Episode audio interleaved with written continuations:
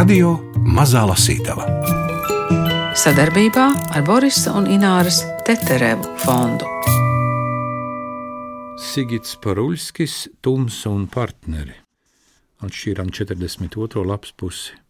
Virsnieks izgāja. Vincents aplaida skatienu visapkārt. Esesietis bija iekārtojies plašā piecistaba dzīvoklī. Te bez šaubām iepriekš bija dzīvojuši turīgi ļaudis. Dzīvoklis bija iekārtots ar labas kvalitātes mēbelēm. Salonā stāvēja pamatīgs apaļš galds ar pieciem krēsliem, logi bija lieli un augsti, grīdu sedza vismaz 30 kvadrātmetru liels austs paklājs, Darbistabā, uz kuru vācietis viņu bija aizvedis, tāpat stāvēja pulēts ampīra stila galdiņš, ar zaļu zīdu pārvilkts trīsvietīgs divāns, taču savāds bija kas cits. Visas dzīvokļa sienas bija apkārtas ar gleznām. Darba kabinetā gandrīz visās gleznās bija redzamas ainas ar nocirstu cilvēka galvu. Bībeles sižetus Vincents necik labi nepārzināja, taču tur bija atveidota tieši Svētā Jāņa Kristītāja galva uz paplātes. Man prieks, ka šeit studijā ir tulkotāja Dāca Meijere, jo mēs jau ar Gundaru Āboliņu vakar lasījām par Uļski fragmentus no romāna Tums un partneri, un uh, man no sākuma bija bail, ka tas var būt ļoti briesmīgi. Šai grāmatā ir patiešām briesmīgas lapuses, bet ne visas. Bet uh, ir arī filozofisks. Ne? Tas par Uļskim ir raksturīgi viņam pateikt, paprātot. Lietuvietis Sigitas Paruļskis, uh, mēs viņu maz pazīstam. Tie, kuri ir lasījuši viņa iespējams slavenāko romānu Trīs sekundes debesu, tie viņu pazīst un atceras. Bet nu, tagad Latvijas, protams, tikai šīs divas grāmatas pagaidām. Varbūt kā es vai kāds cits vēl kaut ko iztulkos, jo Paruļskis ir daudz rakstītājs.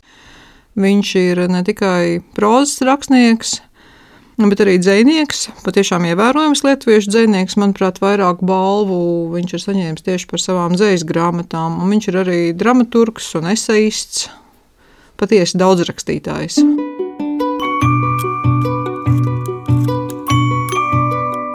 Interesanta kolekcija, vai ne? No durvīm atskanēja esesiešu balss. Vincents piekrītoši pamāja un atgriezās savā vietā pie galda. Nopakaļ virsniekam istabā ienāca adjutants, nesdams sudraba paplāti, gandrīz tādu pašu, kādu Vincents tikko bija redzējis gleznā pie sienas. Tikai uz šīs paplātes nevis gulēja asiņaina pravieša galva, bet stāvēja divas tasītes, kafijas kāna un cukurtrauks.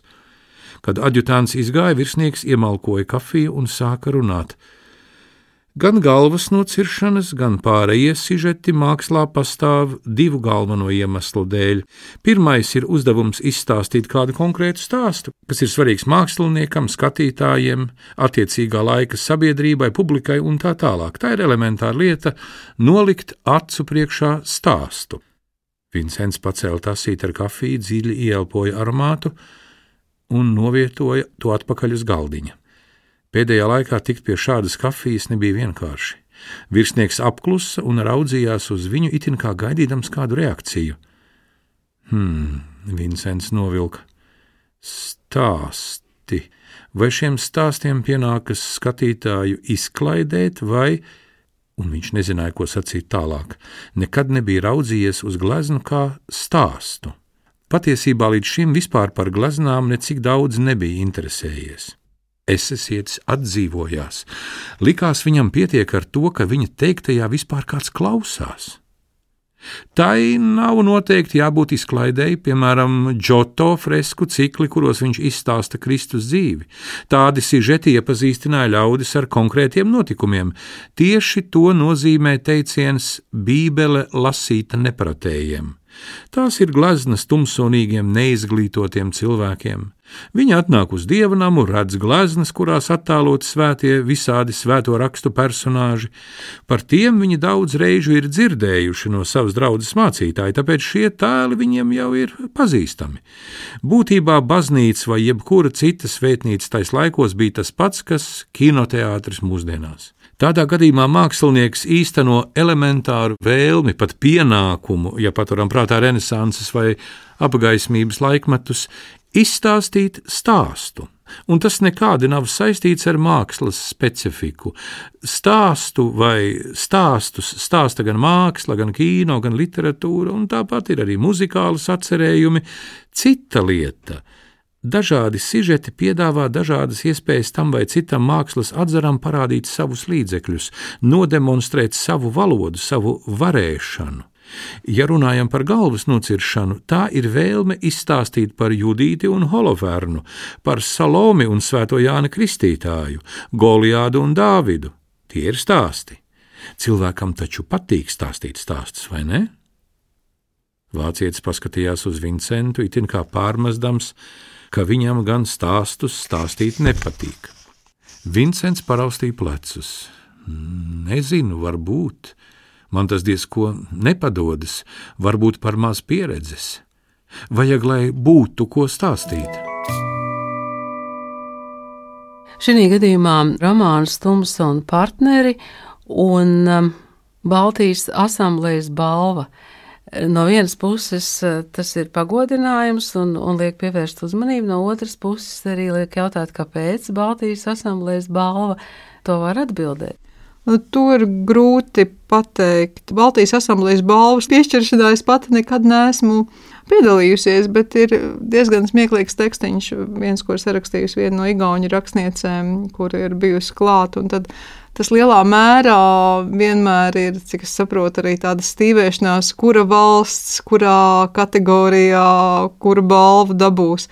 Tā reizē ir un nav literāra prēmija, Baltijas asamblējas balva. Jā, tas, protams, ir tur tiek nominēti katras valsts pamanāmākie attiecīgā laika perioda literārie darbi, bet uh, žūrija, kas piešķir Baltijas asamblējas balvu, nav tikai tāda specifiski literārā žūriju. Šis ir lielā mērā tāds arī tāds, nu, sabiedriski, vēsturiski, politiski, diplomātisks apbalvojums, ne, ne tikai literārs.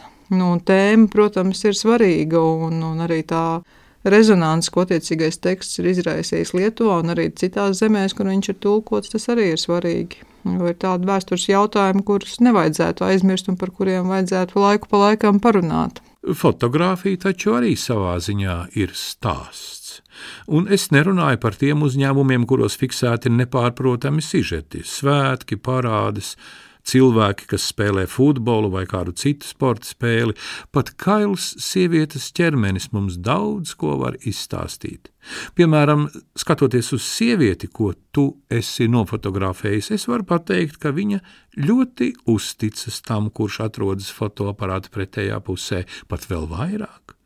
Viņas acis ir iekāras pilnas. Viņa atkailinās nevis objektīvam vai neredzamai publikai, kas kādreiz ieraudzīs vai drīzāk neieraudzīs viņas atveidu, viņa atkailinās vīrietim, kurš viņai patīk. Viņa zina, ka arī pati viņam patīk, viņa to redz, sajūt, bet es to saskatu fotografijā, viņas acīs, viņas pozā. Tātad jūs droši vien esat mīļākie. Vincents sajūta, ka sāk svilt vaigi. Ļoti labi atcerējās, kāpēc tam ar Juditu mīlējās. Viņš viņu fotografēja, bet pēc tam kaislīgi, alkatīgi uz grīdas, lai arī vaigi dega jau ugunīs, viņam pārskrēja šarmuļi. Iemīlējusies sieviete, tas jau ir stāsts tāpat kā jebkurš ķermenis.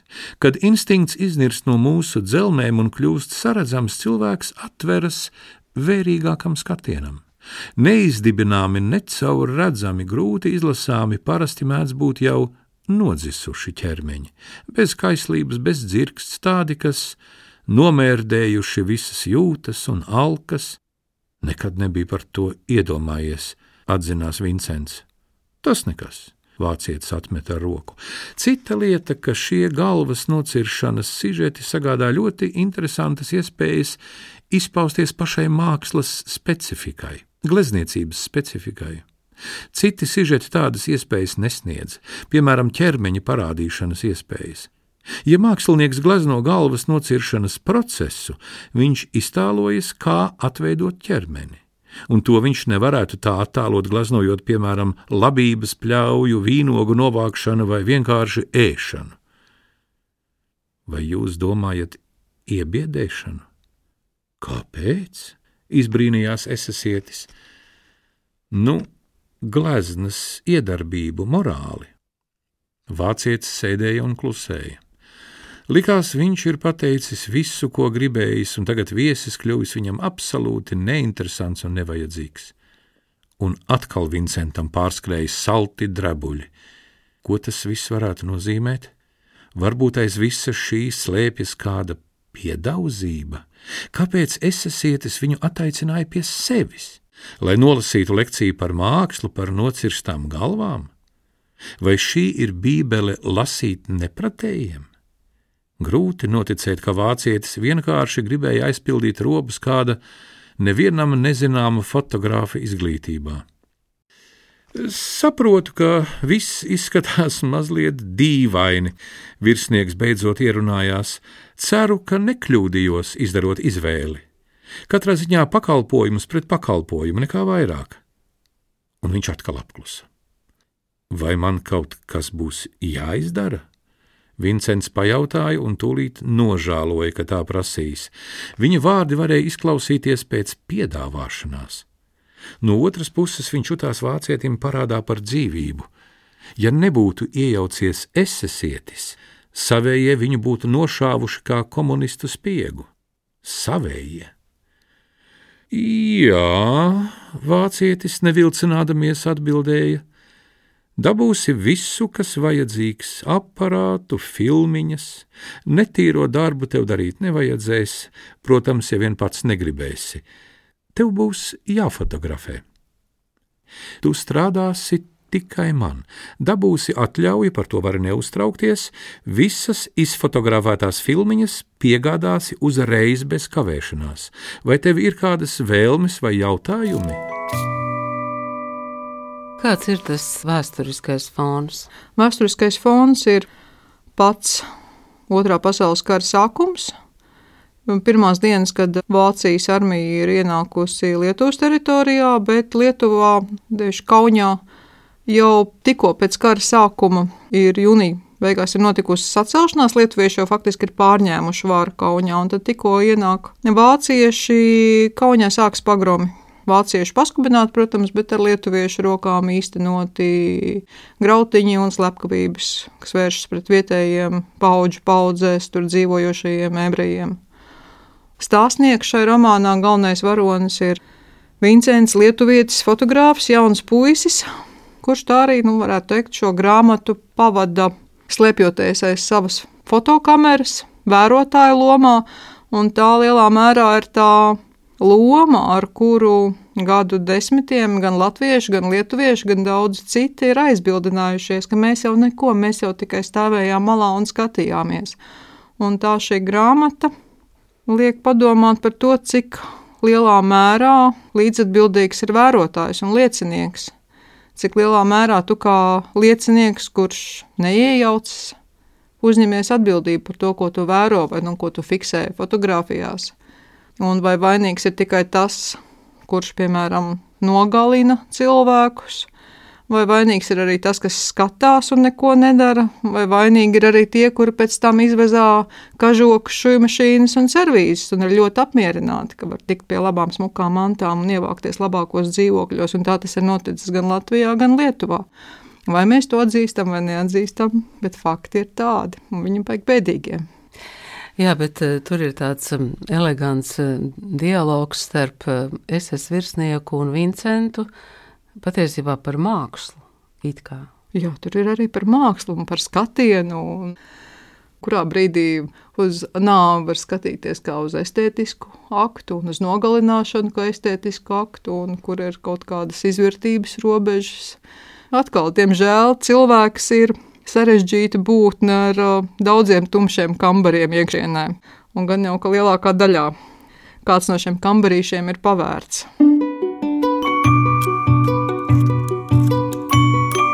Uz skolas tāfeles ar krītu uzrakstīts eņģelis. Varbūt daļa no kāda teikuma, visi citi vārdi nodzēsti.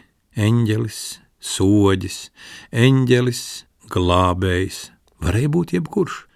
Viņš piecēlās un pavisam klusu, lai nepamodinātu uz grīdas gulošos vīrus, izgāja pagalmā.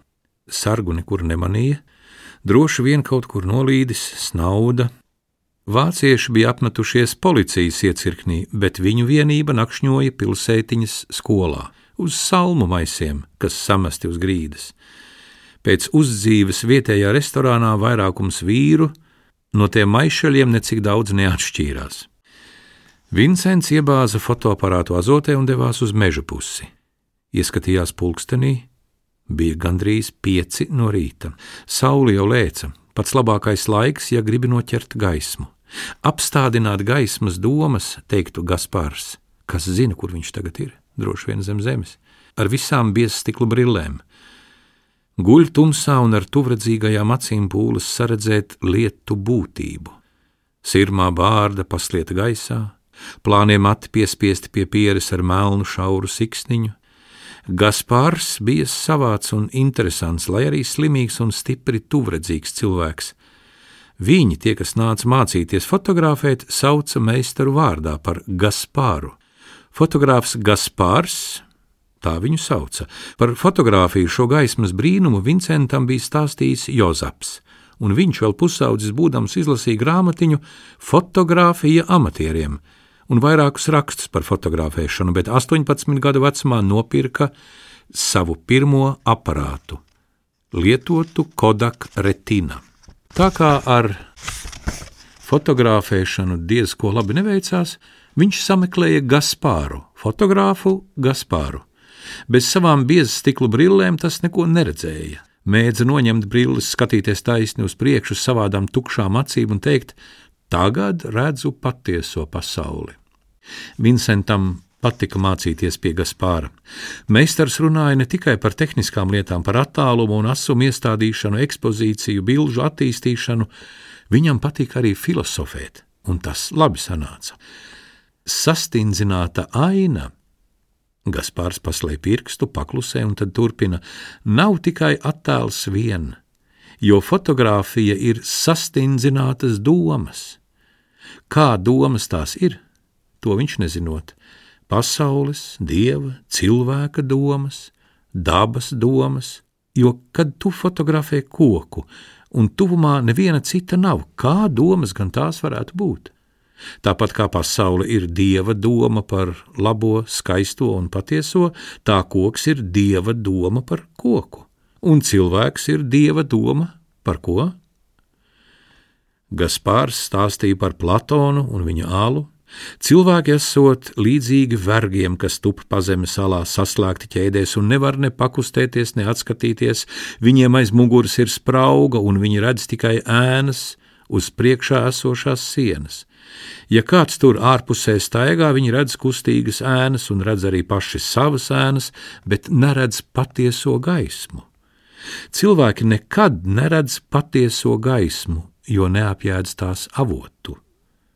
Tā neplūst no debesīm, un ne jau elektriskās spuldzes to izplata.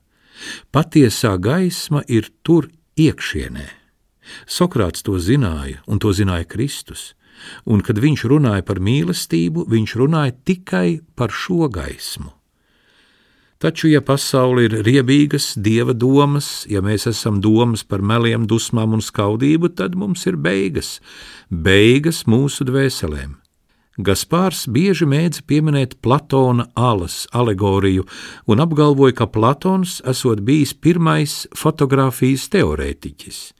Cilvēks ar neapbruņotu aci nevar saredzēt šīs pasaules skaistumu. Tas visbiežāk redz tikai lietu ēnas, nevis būtību. Fotogrāfija gan to spēja. Parādīt, kas katra lieta patiesībā ir pat vēl vairāk. Fotogrāfija vienmēr ir viņpus lietām, pāri lietām, taču nav pašas lietas.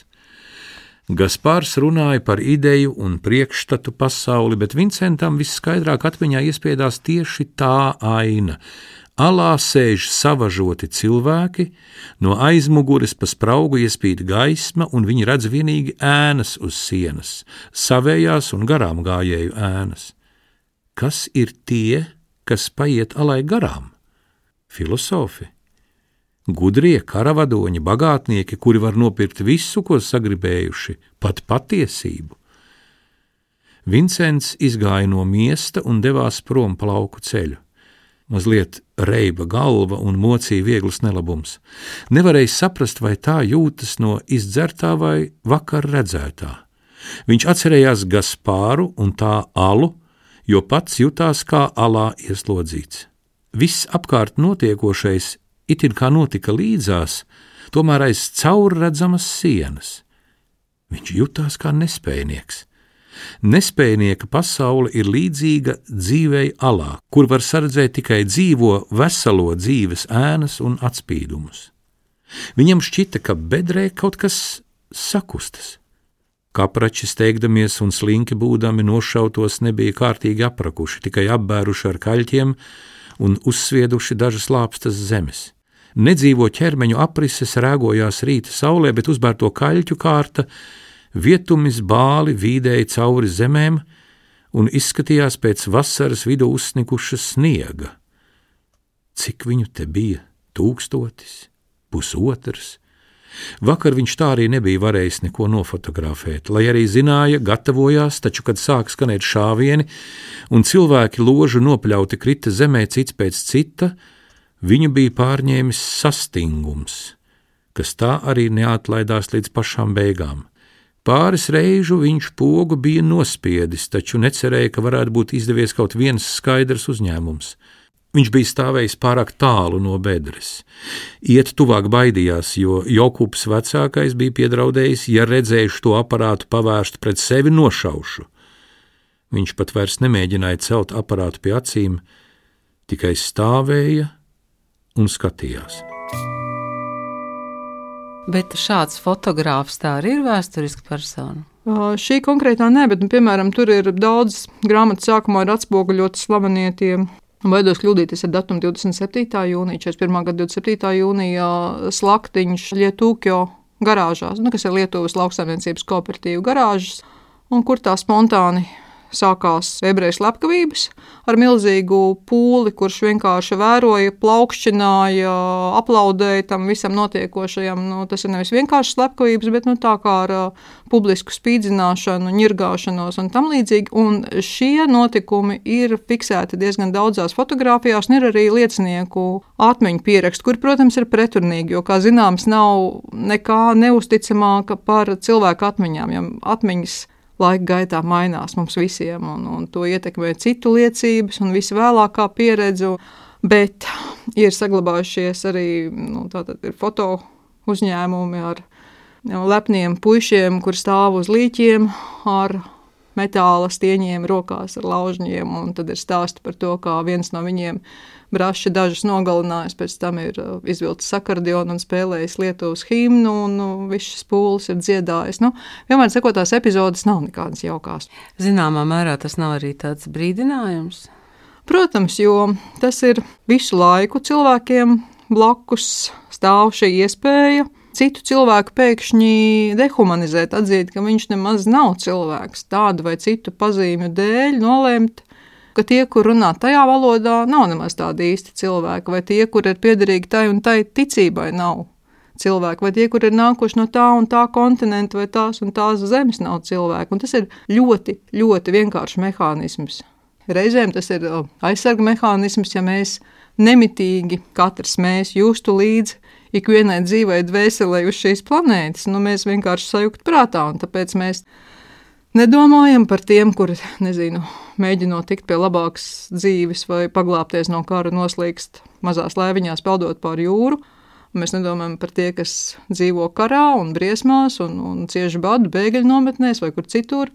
Ja mēs par katru no viņiem domātu, mēs vienkārši sajūgtu prātā, bet tomēr ir jābūt piesardzīgiem, lai vismaz to, kas mums ir blakus, mēs neaizmirstu ka tie visi ir cilvēki. Arī tas smirdīgais bombs, arī tas bēglis, kas mēģina tikt pāri Baltkrievijas robežu, vēl kāds. Jā, un katram droši vien ir um, tā personiskā vēsture aiz muguras, kāpēc viņš tur ir. Arī šeit, uh, nu, ne jau Vincents izdomāja, es gribu fotografēt, kā nogalina cilvēkus. Nu, viņš noslēdz līgumu ar, ar vēlnu, kurš šajā gadījumā pārstāv, pārstāv esesietis mākslinieks. Viņš grib glābt savu mīļoto. Tieši tik vienkārši tas ir tāds nu, standarts sižets literatūrā, varētu teikt. Tā, tā rezonance, ko tu jau pieminēji Lietuvā un citur, kāda tā bija? Noliedzoša? Nē, nu ļoti, ļoti dažāda. Recenzijas bija gan slavinošas, gan arī nu, daži teica, ka šis nav viņa labākais romāns. Nevis tāpēc, ka būtu izvēlēta holokausta tēma, bet nu, ka viņš pārāk daudz eksploatē seksualitāti, piemēram, šajā grāmatā vai ka viņš nu, pārāk virspusīgs ir. Esmu tādas recenzijas arī lasījusi, ja, ka tas nu, paliek tādā, ka savā ziņā autors arī paliek tāda izvērtīga lūriķa lomā, ka varēja iet dziļāk, bet tas jau nu, recenzijās pārmest to, kā grāmatā nav. Tas, tas ir tāds kutelīgs jautājums. Bet, nu, galvenais, ka diskusiju viņš iekustināja, tad galvenais var būt tai pirmajai pikai, kas lavīnu tālāk saveļ. Sigita Paruļska romānu Tumsa un partneri no lietuviešu valodas tulkojas Dāca Meijere, izdevis Jāņa Rozes apgāds. Lasīja Gunārs Āboliņš, sarunājās un klausījās Agita Bērziņa, Nora Mitspapa un Ingvilda Strautmane. Radio Mazā Lasītava Sadarbībā ar Borisa un Ināras Teterevu fondu.